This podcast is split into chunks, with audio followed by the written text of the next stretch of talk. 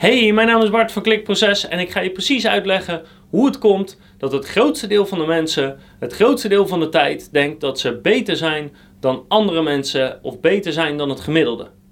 En dat is een hele leuke video over het better than average effect, waarin ik je precies ga uitleggen wat dat effect precies is, waarom dat zo belangrijk is en natuurlijk hoe je dat kan gebruiken om jouw conversies te verhogen. En ik denk ook wel dat ik de geschikte persoon ben om dit uit te leggen, want ik weet nou eenmaal bovengemiddeld veel van het better than average effect. Dus wat is het better than average effect? Nou, de betekenis of definitie van het better than average effect is dat het een cognitieve denkfout is die uitlegt dat mensen de neiging hebben om activiteiten, karakteristieken en vaardigheden van zichzelf als bovengemiddeld te waarderen ten opzichte van anderen. Oftewel, mensen denken collectief dat ze beter zijn dan het gemiddelde, wat natuurlijk statistisch gezien totaal onmogelijk is. En het mooie van dit effect is, dit komt dus echt overal voor in Nederland. Dus wat voor doelgroep je ook hebt, iedereen binnen die doelgroep voelt zich over een bepaald iets, een bepaalde vaardigheid of karakteristiek, bovengemiddeld. Zonder dat daar echt een fundamentele basis voor is. En dit effect wordt alleen maar groter naarmate je datgene waar het over gaat, bijvoorbeeld die karaktereigenschap, wanneer je die belangrijker vindt. Dus hoe belangrijker je het vindt, hoe sneller je de neiging hebt om jezelf te overschatten ten opzichte van het gemiddelde.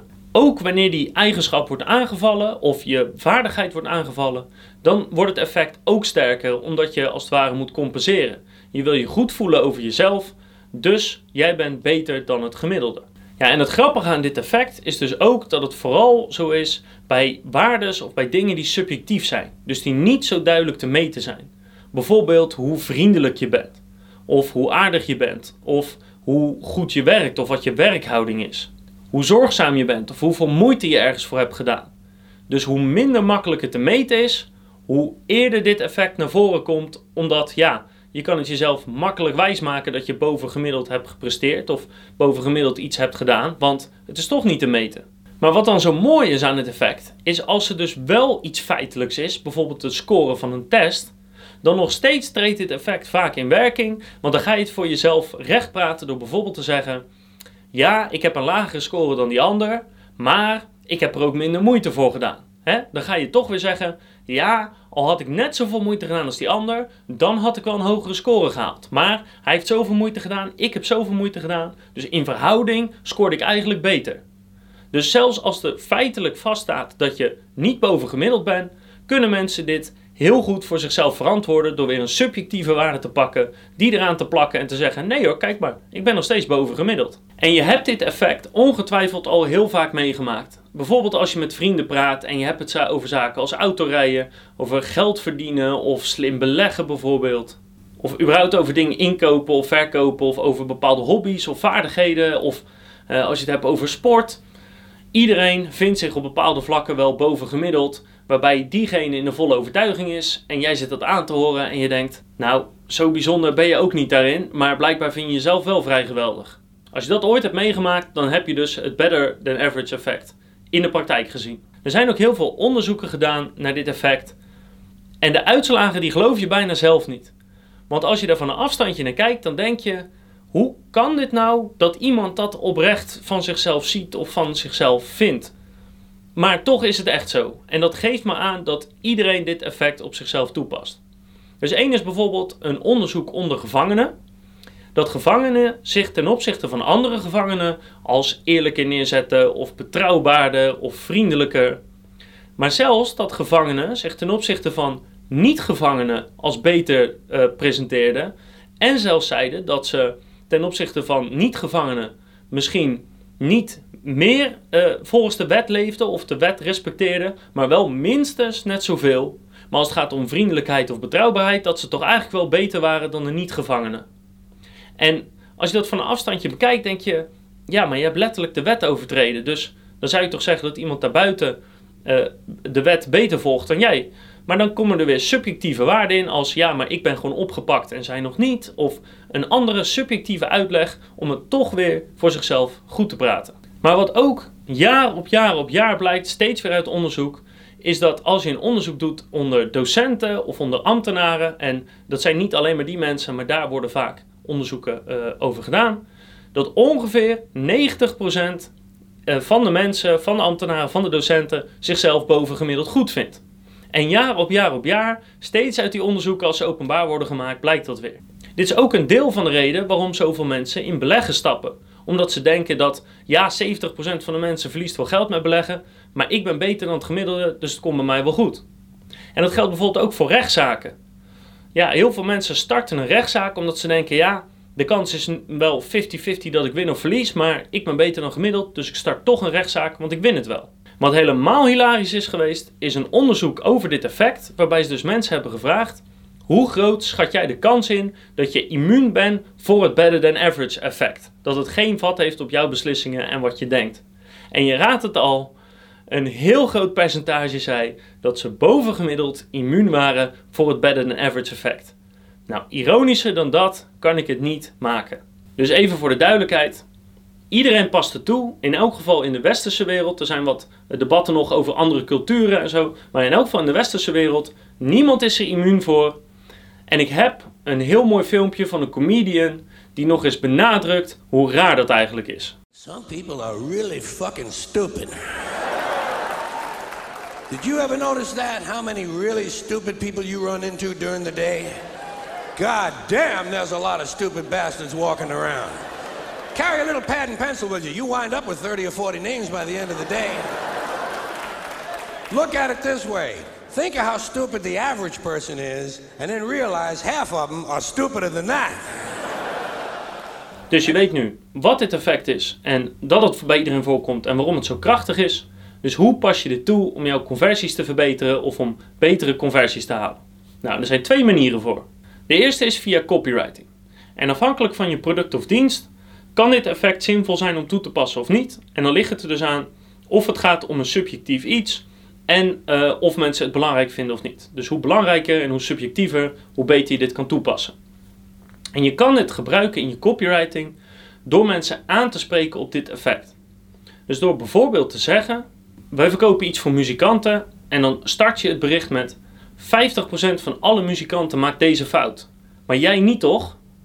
Zodat je iemand eigenlijk meeneemt in het idee van nee, want ik ben bovengemiddeld, dus ik ga die fout niet maken. Of ik heb die fout nog nooit gemaakt. Of 80% van alle moeders doet dit. Of 30% van de beleggers verdient nooit geld, maar jij wel toch? Dus je kan het ego van iemand aanspreken door dat better than average effect als het ware op te roepen en aan te spreken. En het enige wat je hoeft te doen is een bepaald statistisch feitje te geven of een bepaalde groep te maken en daarbij te zeggen dat je behoort tot de bovengemiddelde percentage, tot het bovengemiddelde segment. En dat is met name heel krachtig in het begin van je copy om dus een relevantie eh, te maken bij de bezoeker, om een band aan te gaan, om aan te tonen dat dit artikel of, of hetgeen wat jij verkoopt of uh, de dienst die je wil leveren, dat die helemaal geschikt is voor die persoon. Want het helpt je om een connectie te vormen. Want iemand, zijn ego wordt een klein beetje gesteld en denkt: hey, dit is helemaal van toepassing op mij. Want ik ben inderdaad die 10% van de beleggers die wel dik geld gaat verdienen dit jaar. Want ik ben niet dom zoals die andere mensen die ondergemiddeld presteren. Dus even heel concreet zeg je bijvoorbeeld: Nou, je bent een ondernemer en een x percentage van de ondernemers, bijvoorbeeld 30%, die uh, kent zijn eigen cijfers niet. Of die kan niet met mensen omgaan. Of die kan zus niet of zo niet. Maar jij natuurlijk wel. Want jij bent die ondernemer die gaat knallen dit jaar. Dus met jou wil ik praten, want die, dat gemiddelde of dat ondergemiddelde, die hoeven we niet. Nou, als je bovengemiddeld bent, dan betekent dat ook dat je X, Y, Z moet gaan doen. En dat X, Y, Z slaat natuurlijk op jouw dienst of jouw product of dan ga je iemand meenemen in een verhaal. Dus op die manier kan je artikel beginnen en dan heb je iemand aangesproken, je hebt iemand zich goed laten voelen en dat betekent dat je meer aandacht hebt voor de rest van het artikel van die persoon. Nou, en het tweede moment qua copywriting om het toe te passen, dat kan zijn helemaal op het eind. Want helemaal op het eind, bij de call to action, als je iemand wil overtuigen om datgene te kopen of de offerte aan te vragen of wat het dan ook is, kan je weer iemand aanspreken op zijn ego door te zeggen: 50% van de ondernemers gaat dit jaar niks verdienen, maar jij wel toch? En daar gaan wij je nu bij helpen. Klik op de knop, vraag een offerte aan en we gaan knallen dit jaar. Dus op die manier kan je weer iemand het het bovengemiddelde aanspreken, iemand zijn ego strelen en zeggen: Jij behoort niet tot uh, het onderste gedeelte van nou ja, de groep waar je het dan ook over hebt. Druk op die knop en uh, zorg ervoor dat dat bovengemiddelde, dat je dat gebruikt of dat je dat inzet of dat dat nog beter wordt. En dat zijn de twee belangrijkste manieren hoe je het in copywriting in kan zetten. In het begin om een band te maken of op het eind om iemand te overtuigen om op die knop te drukken. Want in feite kan je het zo framen, zeker op het eind, dat als je niet op die knop drukt, als je niet het product gebruikt, als je niet de offerte aanvraagt, dat je eigenlijk automatisch tot die onderste, uh, onderste 50% behoort. En ja, dat wil niemand. De tweede manier hoe het toegepast kan worden, dat is eigenlijk een hele andere manier die niks met je website zelf te maken heeft. Maar dat heeft te maken met het conversieoptimalisatie traject. En dat gaat er vooral om, als je onderzoek aan het doen bent en er komen bepaalde subjectieve dingen in voor, dus de mening van iemand, het opstellen van een hypothese, het interpreteren van bepaalde statistieken, dan kan het zijn dat jij last hebt van het better than average effect en dat je jouw mening bovengemiddeld gaat waarderen ten opzichte van anderen. En dat is heel erg gevaarlijk, want dat kan betekenen dat jij geen gelijk hebt en dat je de conversietraject een bepaalde richting op gaat duwen die het misschien niet op moet gaan. Dus besef, als je met je CRO-team overlegt, of al is het maar met een, iemand anders, dat je het fout kan hebben. En dat jouw mening niet beter is dan die van iemand anders. Dat jij niet bovengemiddelde kennis hebt van de klanten, van de website, van uh, de statistieken, van wat er ook gebeurd is. Dus zorg ervoor dat je je eigen ego een beetje in de gaten houdt. Het is ook goed om daarbij uh, niet te vergeten dat zulke subjectieve dingen natuurlijk niet zero-sum zijn. Het is niet zo dat als jij gelijk hebt, dat die ander fout moet zijn. Zeker niet als het gaat om conversieoptimalisatie. Vaak werken verschillende dingen heel goed om verschillende redenen, die uiteindelijk allemaal hetzelfde resultaat kunnen, uh, teweeg kunnen brengen, om ook weer verschillende redenen. Dus het kan ook zo zijn dat jij gelijk hebt, maar die andere ook. Dus vergeet nooit dat als het gaat om conversieoptimalisatie, één, dat het helemaal niet gaat om gelijk hebben, maar twee, dat eigenlijk iedereen gelijk zou kunnen hebben. En de enige manier om erachter te komen is door te testen. Dan heb je de statistische data, meestal, die het, die het bewijs is of niet. En zelfs dan kan er nog uitkomen dat eigenlijk al die verschillende methodes allemaal net zo goed werken ongeveer. Trap vooral niet in de valkuil dat je dus jezelf boven de rest gaat verheffen omdat je bijvoorbeeld al iets langer zit of om een andere subjectieve eigenschap. Want dat is echt de crux van het better than average effect. Je pakt iets subjectiefs, bijvoorbeeld hoeveel jaar je ergens mee bezig bent en daarmee automatisch een soort de kennis of de ervaring die je zou moeten hebben. En daarmee ga je jezelf boven de rest verheffen. En dat is dus heel gevaarlijk en zeker in het conversieoptimalisatieproces kan dat je gewoon uh, conversies kosten en kan dat ervoor zorgen dat het project minder snel groeit dan nodig is. Dus als je onderzoek doet, bedenk goed bij jezelf, net als de confirmation bias, heb ik last van het better than average effect en zorg ervoor dat je jezelf in de gaten houdt. En dat is het.